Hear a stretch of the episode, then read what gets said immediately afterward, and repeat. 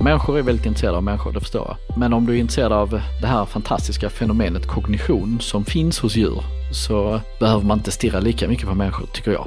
Människan har kanske maximalt, sapiens, funnits i 300 000 år. Det är ju ingenting. Det är inom den statistiska felmarginalen. Vi kunde lika gärna inte finnas om man bara skulle titta på det geologiskt, men nu råkar vi finnas. Så att de här 300 000 åren, ja, vad händer om en miljon år? Med fåglar till exempel.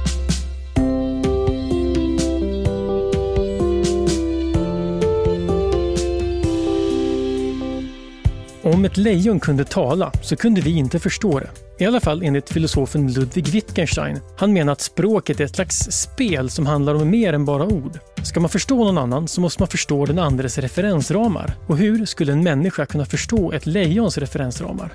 Att Wittgenstein inte är så lätt att förstå han heller gör kanske hans poäng starkare när det gäller oss människor, men hade han rätt när det gäller lejon? 1973 så fick Konrad Lorenz, Nico Tinbergen och Carl von Frisch Nobelpriset i fysiologi eller medicin för forskning om hur djur beter sig och vad det säger om hur de tänker. Och idag utforskar deras efterföljare inte bara var gränsen mellan djur och människor går, utan också om den alls går att dra. Du lyssnar på Idéer som förändrar världen, en podd från Nobelprismuseet med mig, Gustav Källstrand. Och idag ska det handla om hur djur tänker och med mig för att berätta mer om det har jag Mattias Osvat. Välkommen! Tack så mycket! Ja, jag på säga, hur, hur tänker djur? Du forskar om djurkognition, eller hur? Kan man börja med vad, vad är kognition? Det bör man nog göra för att eh, det är inte vad jag tror att folk tror att det är, utan det är någonting betydligt mer eh, icke-intuitivt. Men man måste förstå dess grund för att egentligen förstå hur man forskar på det och även för att förstå oss själva. Så att eh, modern kognitionsforskning eller, eller de som sysslar med evolutionen av kognition ser på det på ett väldigt speciellt sätt. Eh, och det utgår egentligen från en av livets grundprinciper, vilket är det här självupprätthållandet som allt liv sysslar med. Den här processen är ju ganska, den ter sig väldigt besynnerlig för det finns inte så mycket annat i universum som upprätthåller sig själv, alltså som till synes går emot entropin. Det vill säga det här att eh, allting sönderfaller statistiskt sett över tid. Men livet verkar ändå upprätthålla sig själv då. Det var ju till och med så att eh, fysikern Schrödinger tyckte att det här fenomenet var särskilt intressant, så han skrev en hel bok som, som hette Vad är liv? Där han då tittade på just det här och kom fram till att ja, livet ökar ju faktiskt entropin runt omkring sig. I själva systemet så ökar det, men själva livet håller samman. Och det är ju egentligen det här som är metabolism eller ämnesomsättning. Och för att klara av det så måste man ju då hitta energi i omgivningen och eh, plocka in det. Så du behöver information om var den här energin finns och du måste ha information om ditt inre tillstånd. Nu pratar jag om celler eller vad som helst. Som då styr att du går mot energi. Så det är den här liksom loopen som är grunden i kognition.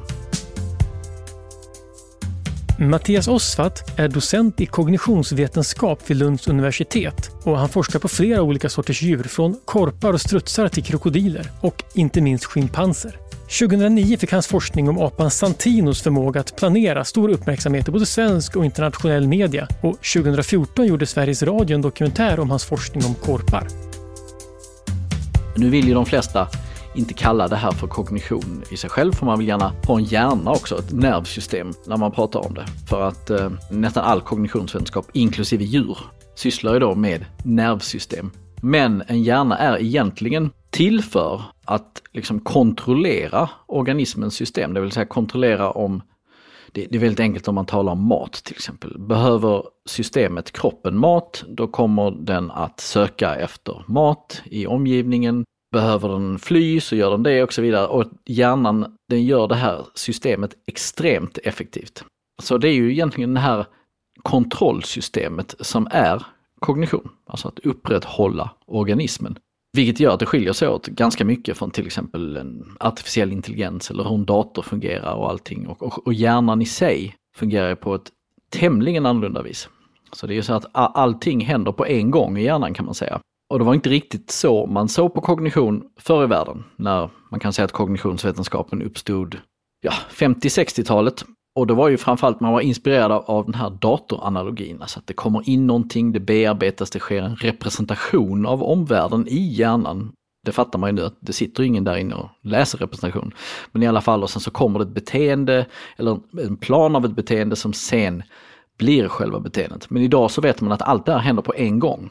Så det finns mängder med alternativ som körs inne i hjärnan, både av handlingar och vad du egentligen uppfattar av omgivningen och sen så selekteras det fram då det som är bäst för organismen just vid den här tidpunkten. Och, sen så förändras ju världen hela tiden. Så fort du rör dig så ändras världen. Så det, det, är ingen sån här seriell sak som vi ser hos datorer, eller hos gamla datorer. Utan det är någonting helt annat. Så det är eh, kognition. Alltså det finns ju ingen definition, det finns bara förklaringar som vi fortfarande mm. försöker förstå mer och mer av. Så egentligen är det ju det som forskningen går ut på, att, att förstå kognition. Men kan man säga alltså, så att förhållandet mellan liksom då tankar och kognition, är det helt enkelt att, att tänka, det, det är liksom ett sätt Ja, och sen så är det väldigt svårt att definiera tankar, det är många mm. som har försökt. Men, så det är ju en del av kognitionen och sen så måste man ju tänka då att ja, det här kontrollsystemet vi ser för några miljarder år sedan och de första djuren kanske 500-600 miljoner år sedan. Naturligtvis är det nu, idag, så avancerat så att vi och många andra djur, alltså man gör ju mer med den här processen än, än bara kontrollera sig själv eller kontrollera liksom så, så kallade homeostas. För evolutionen har ju liksom inget mål. Det uppstår en del saker som funkar väldigt bra men ofta kan du använda dem till andra saker. Så när man tittar på människor till exempel så krävs det ju betydligt mycket mer förklaringar och sånt för allt konstigt vi gör. Men även djur, liksom, lek och andra sådana här beteenden. Det, som inte uppenbart verkar vara liksom självupprätthållande men som kan förklaras om man är, är noggrann med det här. Men grunden för kognition, det är alltså att ta in information för att kunna minska oordningen.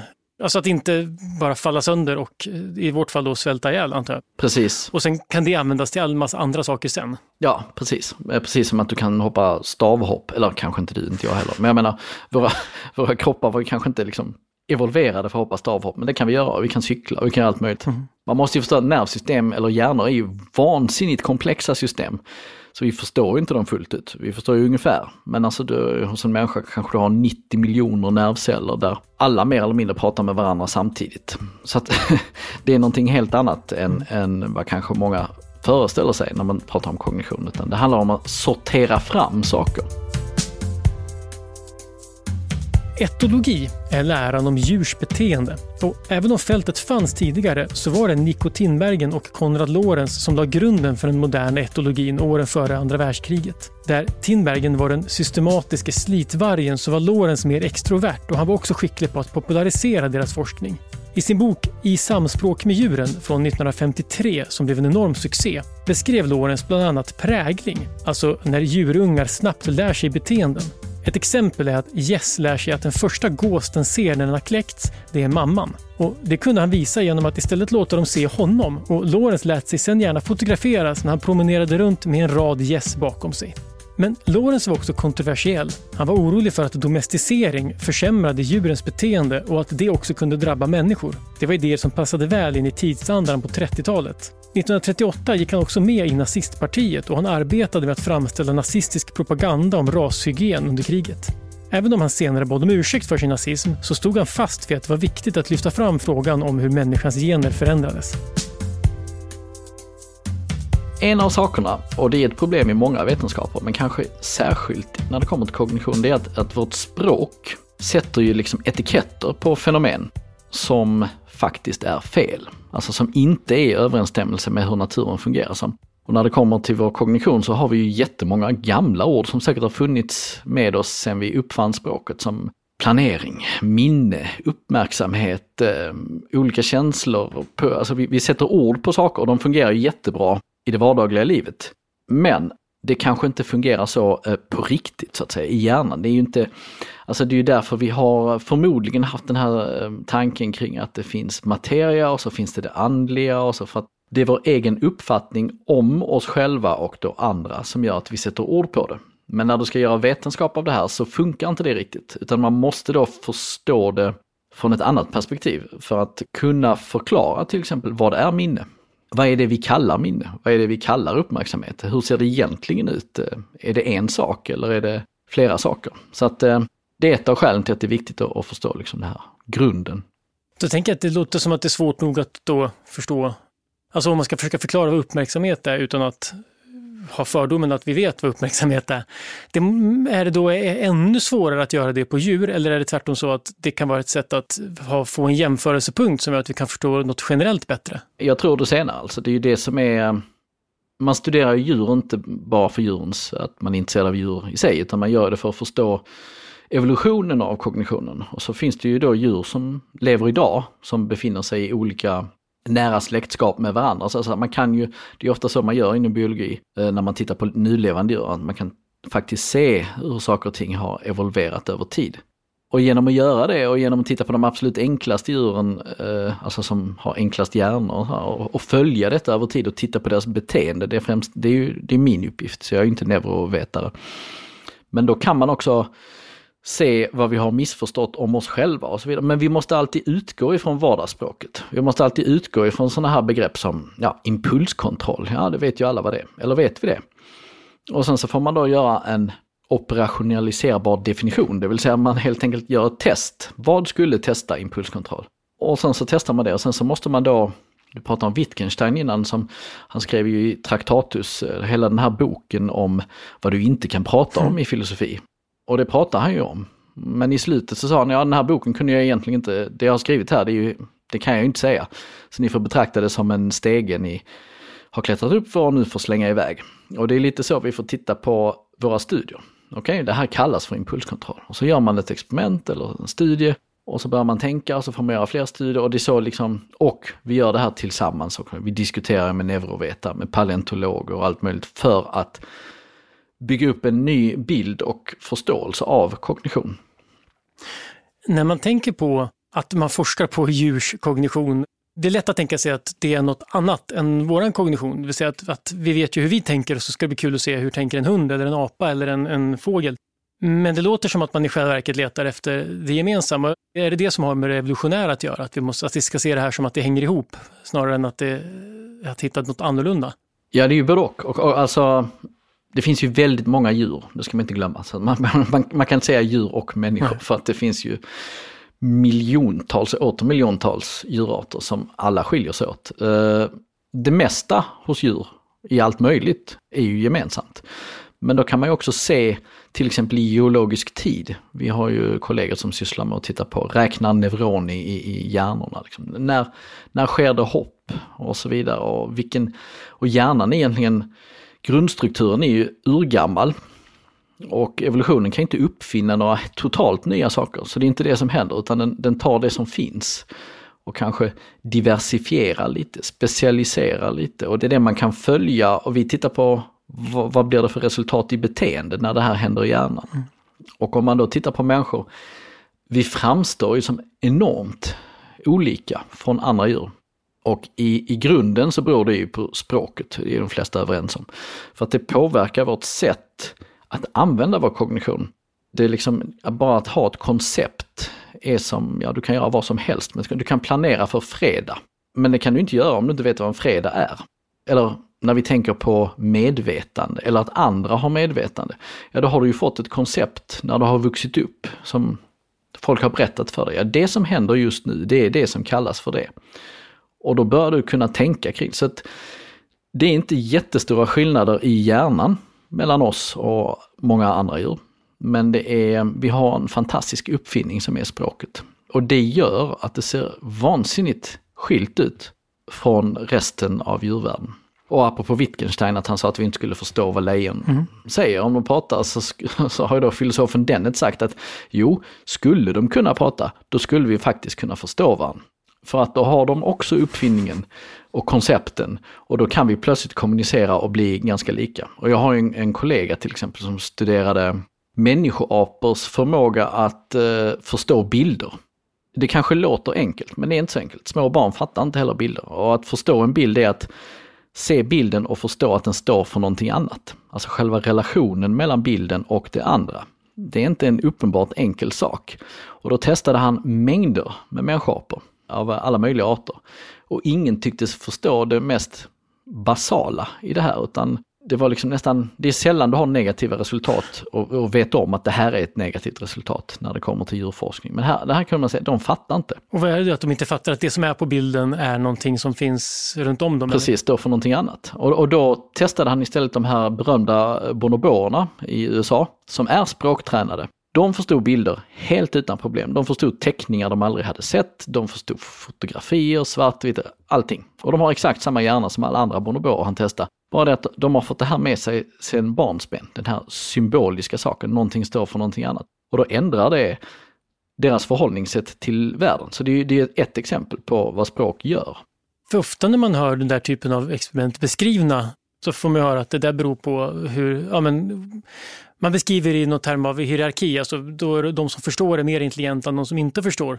Men det kan också ha att göra med träning med andra ord, eller vad man använder eh, hjärnan till. Ja, alltså inom eh, i alla fall den evolutionära kognitionsforskningen så finns det ett koncept som eh, det uppstod redan för 80 år sedan tror jag av James Gibson. Han kallade det för affordances. Och det är ett ord som är engelskt, det finns ju inte på engelskan så han fick uppfinna det själv. Men det, det är helt enkelt att omvärlden ger dig handlingsmöjligheter. Och det här är det viktiga, att det möjligheter till handling, det är det du uppfattar av världen.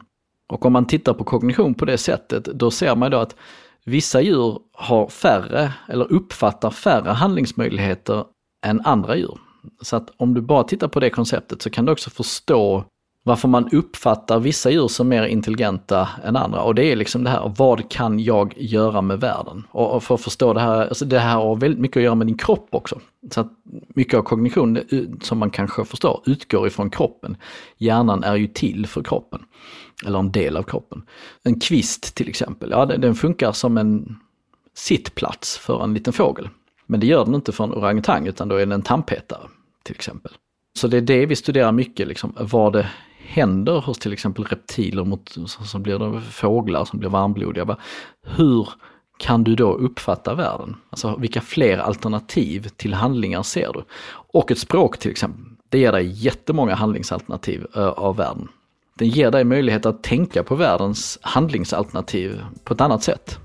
Det blir alltså som en typ av verktyg som du kan manipulera världen med, om man ska uttrycka det enkelt. Så eh, det, det, det är egentligen det vi tror har hänt under evolutionen. En viktig insikt från Lorenz och Tinbergens forskning var att djurs beteende hänger ihop med hur deras kroppar ser ut. Det finns en koppling mellan kognition och anatomi och det betyder att kognitionen, precis som kroppen, påverkas av evolutionen. Evolutionärt sett så är hjärnan ett dyrt organ på det sättet att det kräver mycket energi. Det betyder att om ett djur har en hjärna så används den så mycket som det går. Det betyder också att den anpassas efter hur den används så att den inte gör saker i onödan.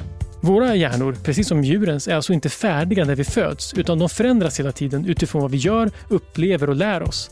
Det är rätt stor skillnad på en människas och en elefants kropp, men hjärnan ser inte så väldigt annorlunda ut. Däremot används den på väldigt olika sätt. Men det omvända stämmer också. Fåglars hjärnor liknar inte alls däggdjurens, men genom att de hamnar i liknande situationer så kan de också användas till liknande kognitiva funktioner. Det viktiga när det gäller hjärnan är alltså inte hur den ser ut, utan hur den används. Och vill du veta mer om hjärnan och hur den förändras så kan du lyssna på vårt avsnitt med nobelpristagaren Edvard Moser som upptäckte hur vi hittar genom hjärnans egen GPS. Och sen så är det också en intressant sak med hjärnan som började väldigt, väldigt tidigt, jag vet inte hur många hundra miljoner år sedan, men att den, den verkar ha delat upp sig i två områden. Mycket slarvigt uttryckt då.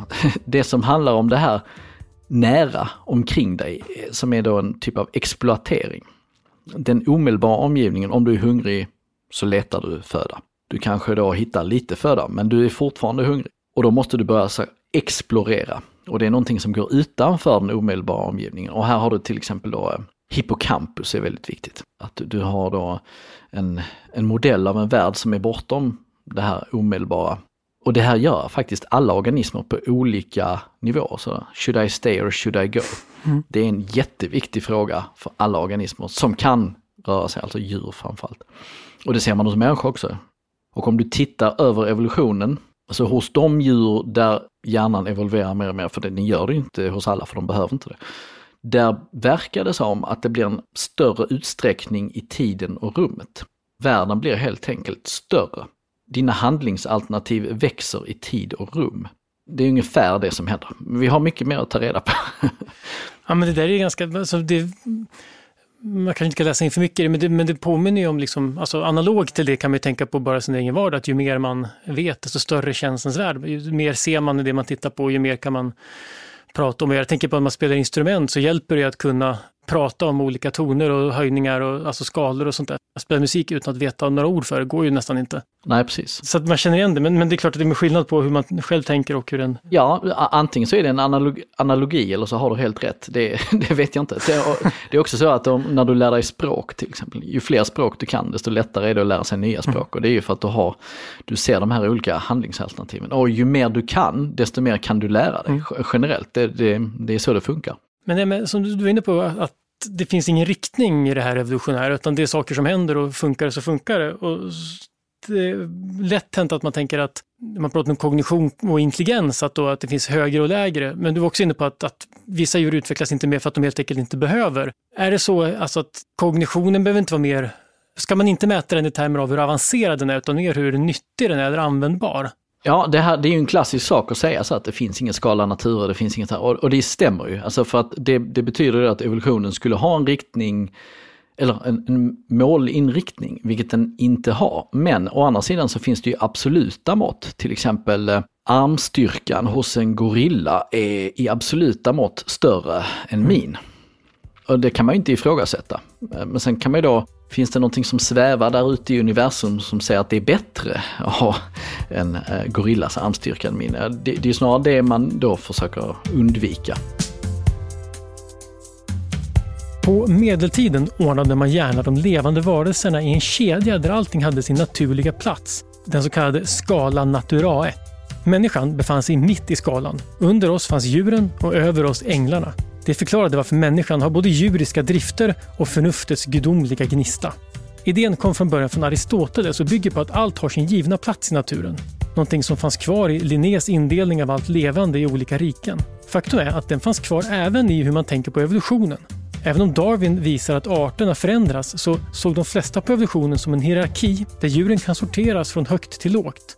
Det är en indelning som idag ifrågasatts eftersom evolutionen inte rör sig mot ett mål som man kan bygga en sån ranking på.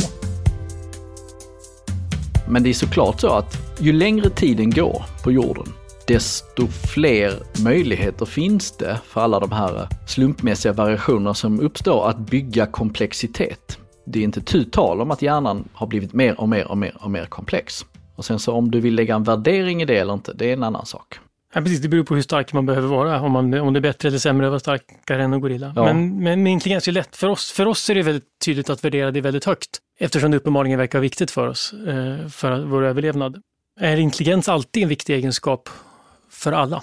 Det är en sak man eh, diskuterar, alltså för att det verkar ju vara så att de djur, inklusive oss, eh, som har mer i huvudet, alltså som ser mer handlingsmöjligheter i världen, kan befinna sig på fler ställen i världen. Alltså, så det, det är ju inte heller så att om du hittar ett djur i en viss miljö så tänker du okej, okay, den är här för att den har anpassats till den här miljön. Det behöver inte alls vara sant, utan det kan vara precis tvärtom. Att det här djuret kan lära sig så mycket, förstå så mycket av världen så att den kan vara här. Som kråkfåglar är ett bra exempel. De kom ju någonstans runt Indonesien för 20 miljoner år sedan eller något sånt, uppstod de. Och nu är de överallt.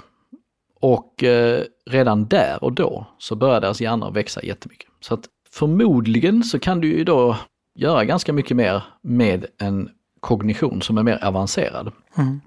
Det, det, är liksom en bra lösning av naturen för att det är ju flexibelt från början.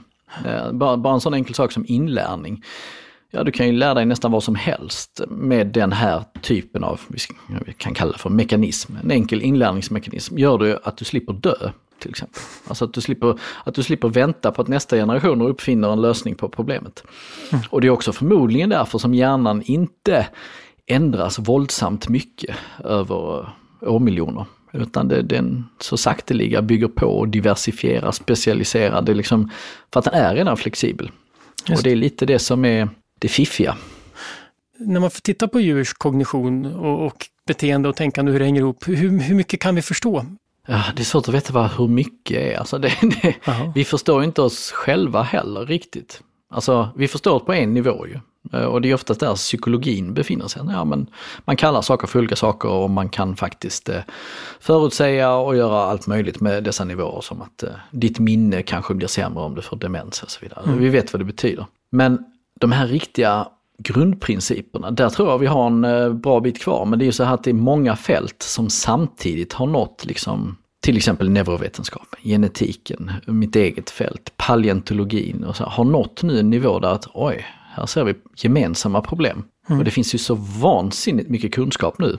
Eh, så att det, det går ju inte längre att vara ett universalgeni. Så att det gäller att få de här olika fälten att tillsammans identifiera saker och ting. Och, och liksom, då kommer vi och vi, vi har ju börjat med detta nu. Mm.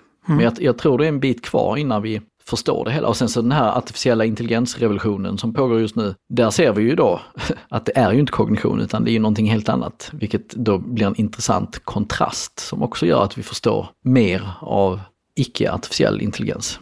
Just det, för artificiell intelligens det handlar om ett tänkande som saknar det här liksom, överlevnadssyftet. Precis, det, det, du kan ju förmodligen då konstruera artificiell intelligens utifrån hur naturlig intelligens fungerar.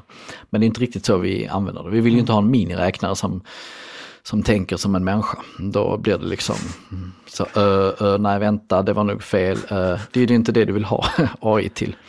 Nej, nej, då klarar man sig själv. Om ja. man ska räkna fel, det räcker med... Ja. ja. Men mer konkret, för som sagt, du forskar ju ändå på, djur. Hur gör man? Ja, eh, man kan forska på olika eh, nivåer, ungefär som jag pratar nu att mm. psykologer har ju en viss nivå. Det, det, kan man titta på för att det är kul. Många säger att ja, men det här kan bara människor göra. Det är egentligen en ganska vetenskapligt halvtråkig fråga. Och då kan man då gå ut och säga att ja men så här definierar vi impulskontroll, så här definierar vi planering. Okej, okay, men då testar vi det. Oj, djuren gör det. Men då har vi fortfarande enormt mycket kvar att förklara, för vi förstår ju knappt hur människor gör det heller. Sen så sysslar man då mer med den här djupare evolutionen, vilket vi sysslar med nu. Alltså vi mm. försöker förstå till exempel eh, vad hände när eh, sauropsidlinjen, alltså de som är reptiler och fåglar idag, och dinosaurier, vad hände när de gick från kallblodighet till varmblodighet? Och då kan vi då jämföra krokodildjur som är de närmsta levande släktingarna med eh, fåglar så jämför vi dem med de minst förändrade fåglarna i likartade tester. Och då, då är det ju sådana här tester som kanske är jättetråkiga om man inte förstår frågan. Att de måste välja mellan olika saker i olika situationer och, så ser man vad de väljer och då förstår man lite grann hur de ser världen. Alltså det här med affordances igen alltså. Vilka handlingsalternativ de ser i världen. Och så kan man ju då se att de resultat vi har nu, det är att det händer något väldigt mycket intressanta saker när du blir varmblodig. För att din kropp kan plötsligt göra mängder med andra saker. Och då ser man det också hur det växer i lillhjärnan till exempel, blir gigantisk. Den får 20 gånger fler neuroner ungefär än hos ett kallblodigt djur med lika stort eh, huvud.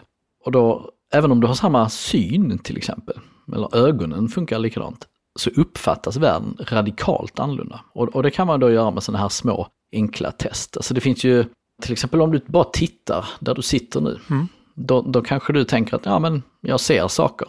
Men ja, egentligen, ja, egentligen så, så, gör du mycket mer än det. Det finns säkert något objekt i din omgivning som liksom är halvtäckt av någonting annat. Men du uppfattar inte att det är ett halvt objekt. Du uppfattar ju att det är ett helt objekt. Du uppfattar att det finns baksidor på saker, undersidor. Du, du fyller på.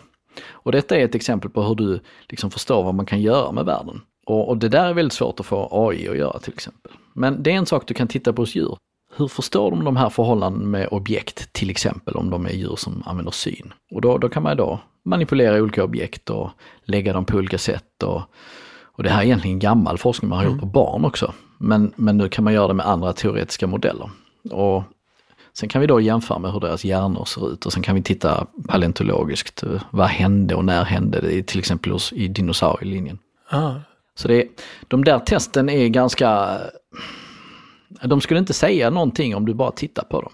Men för oss säger de ganska mycket. Men hur vet man, men hur man jämför bakåt och hur kan man veta? Ja, du, precis, du sitter på en reptil då som, som inte kanske har som skiljer sig åt. För du kan ju inte veta dinosaurien, hur den uppfattade världen, men du kan veta hur något från samma tid eller från samma gemensamma ursprung. Precis, vi har ju den turen att de krokodilier som lever idag, de har eh, i alla fall, alltså de har ju ändrats jättemycket, men om du tittar på deras hjärnor så har de knappt ändrats någonting från den sista gemensamma förfadern som krokodildjuren hade då med dinosaurierna. De här överlevde massutrotningen för 66 miljoner år sedan. Så de utgör ett utomordentligt bra modell för den, vi kan kalla för första dinosaurien. Och sen har vi då eh, paleognatfåglar, alltså strutsfåglar kan man säga. Det finns vissa som kan flyga också. Vars hjärnor är mycket lika några av de här sista dinosaurierna som alltså är då de som sen kommer att bli fåglar eller som var i samma grupp som blev fåglar. Och genom att jämföra de här två så kan vi ändå göra en parentes kring några hundra miljoner år. Så då kan vi beteendemässigt titta på detta. Men då behöver vi såklart eh, människor som sitter och tittar på hjärnorna hos de här olika djuren. Vi behöver jobba med, i det här fallet, dinosauriepaleontologer som CT-skannar neurokranier och återskapar hjärnor. Så att det krävs enormt mycket insatser från många människor och sen så måste vi förstå vad vi pratar om också när vi pratar med varandra så vi kan lösa gemensamma problem. Men så mitt jobb är ju mer då testa levande djur och tolka detta och sätta det i ett större sammanhang tillsammans med andra. För att förstå hur djur tänker så måste man tänka som djuren, menade Konrad Lorenz. Länge trodde man till exempel att elefanter inte kunde använda verktyg, för de använde inte pinnar som man la ut för att de skulle nå mat som låg bakom ett galler. Men problemet är att elefanter lyfter saker med snabeln, som de också använder för att lukta sig till mat. Lyfter de en pinne med snabeln så känner de inte matlukten längre. När man istället hängde mat högt uppe och ställde ut lådor, då kunde elefanterna lätt flytta lådan och använda den för att nå maten. På samma sätt trodde man att schimpanser inte kunde känna igen ansikten. Men när man testade med schimpansansikten istället för människoansikten så gick det hur bra som helst. Samtidigt kan djurs förmågor likna människans. Ett berömt exempel på det är Mattias Osvalds forskning om apan Santino vid Furuviksparken. Precis som många schimpanser tyckte han om att då och då springa runt, svinga sig mellan grenar och inte minst kasta saker mot besökarna på djurparken. För att inte få slut på saker att kasta så gick Santino runt varje morgon innan djurparken öppnade och samlade ihop stenar som han gömde på olika ställen där de kunde behövas under dagen. Att en schimpans kunde planera så här bra inför framtiden det var en stor nyhet som togs upp i medier över hela världen och förändrade hur vi ser på apors intelligens. Tyvärr så fick den här historien ett tragiskt slut i december 2022 när Santino var en av de apor som dödades när de rymde från sitt hägn i Furuviksparken. Människoapor har av tradition studerats för att vi vill förstå eh, människans evolution. För de är ju våra närmsta släktingar. Så alla avvikelser där är ju ganska intressanta och alla likheter också. Men om man jämför till exempel kråkfåglar och människoapor så har man ju en helt annan eh, ingång på detta. För att vi hade ju en sista gemensamma förfader 325 miljoner år sedan. Och ändå så är vi så pass lika. Och det är ju ganska intressant. Då. Vi och kråkorna, inte, ja. ja, precis, aporna är närmare. Ja. ja, egentligen är det så att däggdjur och fåglar är väldigt lika. Mm. Alltså generellt i den kognitiva repertoaren. Och genom att jämföra de här två linjerna så kan vi då förstå något mer om principerna för kognition. Det tycks handla om varmblodighet, men varför, hur kan det här gå till? Så det, det är sådana frågor vi tittar mycket på. Och framförallt också så vill vi se, var uppstod det först? Och det verkar som mycket av det här inte publicerat än, men eh, vi har ju hittat att mycket har uppstått hos fåglarna eller dinosaurierna faktiskt innan det uppstod hos däggdjuren. Så det är inte fåglar som är lika oss förmodligen, utan det är vi som är lika dem. Och framförallt så är det primater som är lika fåglar. Så att alla däggdjur är ju inte som vi primater. För vi har ju liksom en synsinne som andra däggdjur inte har. Vi ser ju i färg bland annat. Vi, vi, har en fovia som gör att vi kan se skarpt. Och detta är saker som fåglar och dinosaurier har haft liksom, alltid. Men vi däggdjuren levde ju i mörker under hundratals miljoner år så vår syn ble, blev ju anpassad för mörker. Och vi, vår hörsel, människors eller primaters hörsel, är ju inte alls lika bra som hos andra däggdjur. Det är en sak som utmärker däggdjur jämfört med fåglar, att vi har en fantastisk hörsel. Men vi är lite mer lika fåglarna, konstigt nog. Och om du tittar på hur våra hjärnor ser ut, alltså det som hände i dinosaurielinjen, när varmblodigheten inträdde, så var det att ja, hjärnan växte jättemycket. Men lillhjärnan, alltså den här klumpen som sitter bak på hjärnan, cerebellum, den växte enormt och det är den som styr din motorik. Men den styr så mycket mer eftersom du tänker med kroppen så att säga. Det hände inte hos däggdjuren, men det hände när primaterna uppstod. Då började cerebellum växa, så då kom de ikapp fåglarna.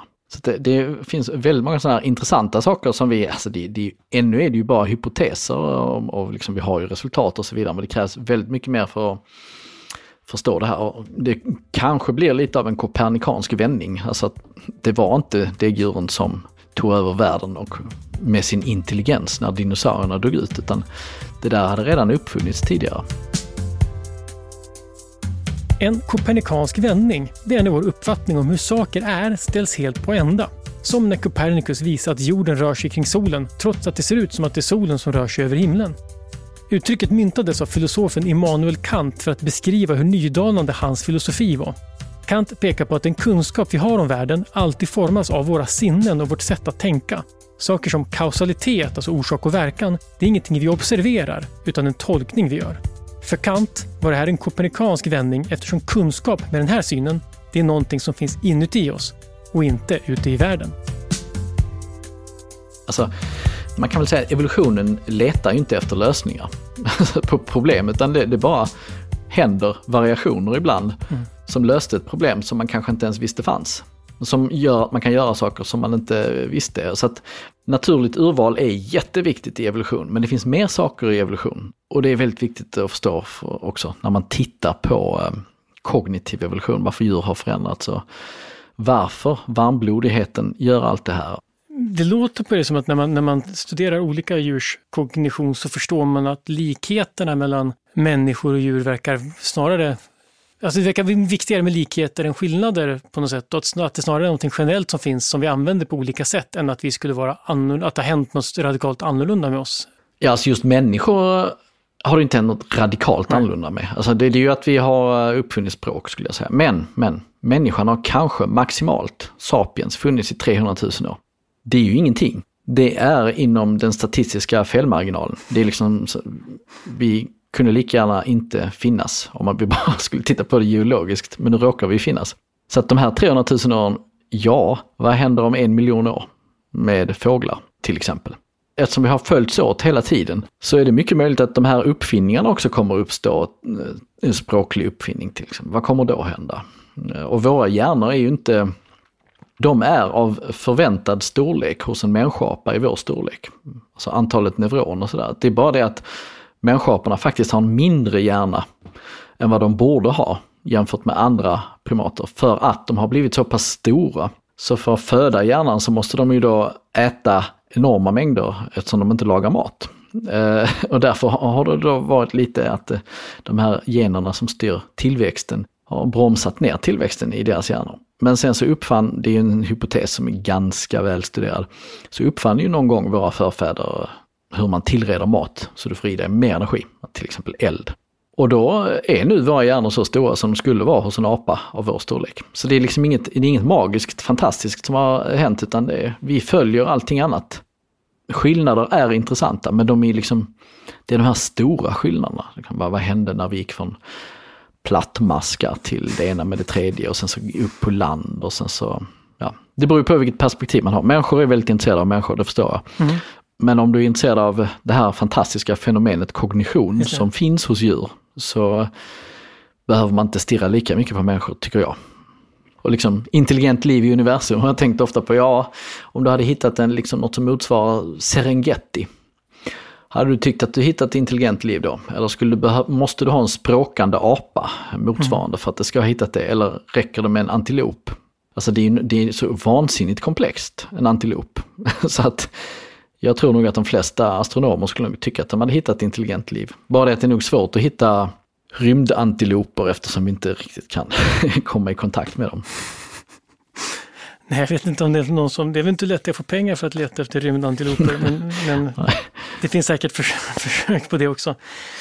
Um, hur mycket handlar de här experimenten man gör på djur för, för, att kunna förstå dem? Hur, alltså hur lätt, eller hur lätt, men hur viktigt är det att försöka förstå särart kontakten mellan till exempel en korp och en människa. Mm, mm. En, en intressant sak som har med särarten att göra, eller det är ett tankeexperiment jag ofta använder, om du skulle ha en generisk däggdjur eller fågelhjärna och sen så sätter du in den exakt samma hjärna i tre helt olika kroppar. En fågelkropp, en kängurukropp och en um, björnkropp. Då skulle de här djuren ha olika kognition för att mm. de skulle börja förhålla sig till världen, och hjärnan är ju plastisk, så då skulle man börja förhålla sig till världen olika med de eh, sinnessystem, eh, hur kroppen ser ut, vilka olika frihetsgrader du har och sånt. det påverkar kognition väldigt mycket så att det finns ingen kognitionskärna där inne som är oberoende av så att det är väldigt intressant när man tittar på skillnader att faktiskt titta på kroppsliga skillnader, på mm. anatomiska skillnader. Blinda eller nästan blinda djur, som många däggdjur är, de ser inte mycket. Mm. Jag har många gånger ställt mig den frågan när jag till exempel studerar en tasmansk djävul. Alltså förstår de ens? Alltså, de kan inte ens välja mellan två bitar mat deras eh, djurvårdare säger, ja men de tycker det här är godare än det andra. Men så lägger du det framför dem, de, de, ja de kan inte se det. och då om du försöker gömma det bakom en eh, barriär till exempel och se om de kan representera och välja då, där är det goda, nej men det kan de inte. Då börjar jag liksom fundera på, ja men vad är då kognition? Alltså, har de förmågan eller, eller inte? Och då tycker ju många, ja men de skulle ju kunna ha dem om de hade kunnat se. Mm, det hade de kanske. Så att det, det är ja, det finns inga, inga glasklara svar än på hur man ska förhålla sig till det här. Nej, men jag tänker för att få kunskap om det så måste man åtminstone förstå att de inte kan se, för annars kommer man ju misstolka att de inte bryr sig. Hur vet man att de inte klarar testet eller om de tycker att testet är tråkigt? Ja, ja jo, ja, det är ett klassiskt problem. för att negativa resultat de säger inte alls lika mycket som positiva resultat, för det finns ju oändligt många fler saker eller sätt att inte lösa en uppgift på, mm. än vad det finns att lösa en uppgift på. Men ofta så har man ju mer än ett djur och när man jobbar med djur så lär man sig att eh, Alltså, vi är ju själva djur. Så man lär sig läsa djuren och då måste man ju ändra olika saker. Så att för, att säga, för att verkligen säga att det här djuret kan inte det, mm. då måste man göra mängder med olika kontroller och variera det på väldigt många olika sätt och sånt för, för att vara relativt säker på att säga, ja men det här ligger inte inom deras förmåga. Uh, så att negativa resultat är alltid svåra att tolka. Uh, så är det. Och många av testerna är faktiskt utvecklade på människor och primater, vilket är ganska taskigt mot alla andra däggdjur. Alltså det funkar jättebra när man tar samma test och sätter det på fåglar eller reptiler.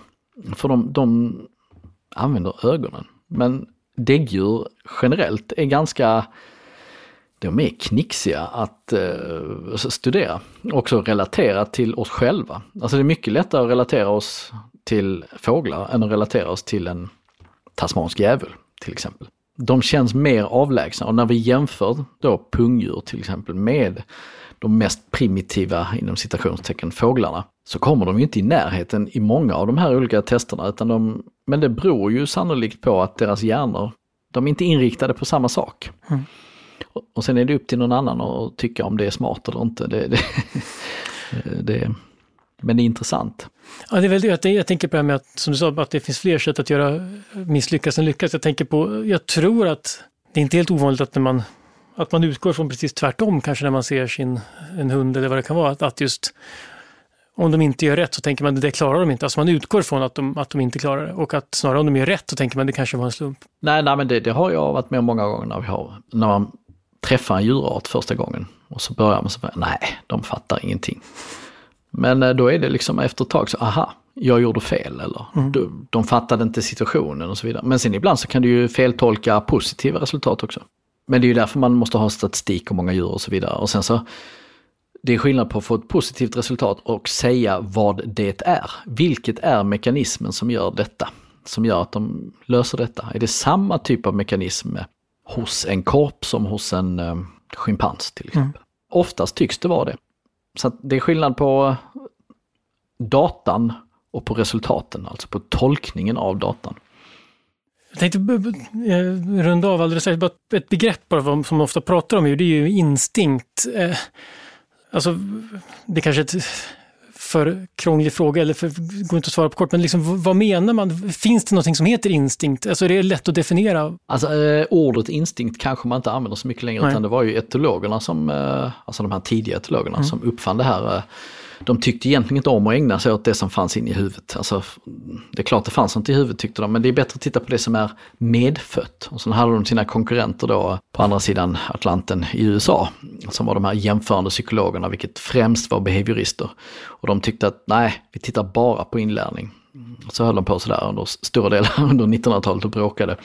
Men idag, ett fåtal gånger har du ju saker där du reagerar direkt. För att det är mycket mer ekonomiskt att eh, liksom uppfinna en specialisering hos ett djur eller en människa. Som om du rör vid någon varm platta. Så. Men det är egentligen ingen instinkt. Det är ju medfött, för hjärnan är medfödd. vissa saker tar över andra saker. Eh, till exempel ett, ett omedelbart hot tar direkt över nästan alla djurs system när de är hungriga. Om de sitter och äter och så ser de plötsligt en, ett rovdjur, då kan man förstå hur det ser ut i hjärnan. När det ena systemet tar över det andra och så vidare. Är det instinkt eller är det bara så som hjärnorna har? Ja, det är den här distinktionen mellan tänkande och eh, någonting annat. Den, den är svår mm. att dra idag skulle jag säga. Mm. Det kanske är en skillnad också mellan automatiserat och sånt som medvetet. Ja, och det automatiserade, det är ju det man vill, eh, det är ju kognition. Och det är dit du vill komma när du tränar på någonting till exempel. Så att, ja, ja. om du är riktigt duktig och ett proffs på någonting, ja men då tänker du inte mycket. Eller det gör du ju, men du, du tänker inte medvetet på det. Så det, det är också en svår fråga. Ja, ja, det, det har också, tänker jag, evolutionärt måste det vara, ju mer man automatiserar desto bättre, för det är väl mer energieffektivt att inte behöva Absolut. räkna ut saker varje gång.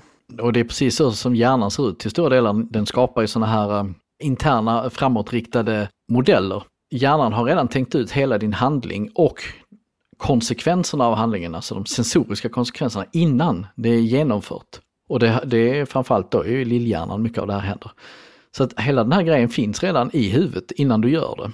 För att det är så ohyggligt mycket mer ekonomiskt. Och enda gången hjärnan bryr sig, det är om det inte blir som den predicerade. Mm. Det, det, det, var inte som modellen var. Då sker en inlärning och så kan modellen ändras. Så det är en jätteviktig del och det är också en skillnad mellan AI och hjärnor. Alltså en hjärna är så våldsamt mycket mer ekonomisk än en dator om du bara tittar på den rena energin som går åt för det vi gör med huvudet så är det ju fantastiskt. Och det är inte så konstigt för det är så evolutionen funkar. Mm. Alltså hålla nere entropin. Och där är vi tillbaks till entropin, där vi började. Mm, det var det jag det Finns ju, det finns ju mycket mer att, att dra i här, men det känns som att vi kan inte gå igenom allt mänskligt tänkande riktigt eh, idag. Så jag tänker att vi säger tack för den här gången i alla fall. Det var otroligt ja. spännande att höra mer om djur och kognition och uh, alla samman. Tack så jättemycket för att du var med. Tack så mycket. Idéer som förändrar världen är slut för den här gången. Den här podden görs av Nobelprismuseet. Vi finns på Stortorget i Gamla stan. Information om museets utställningar och öppettider finns på museets hemsida nobelprismuseum.se. Du kan förstås också följa oss på Facebook och Instagram. Och vill du veta mer om Nobelpristagarna och deras arbete så gå gärna till Nobelprisets hemsida nobelprice.org.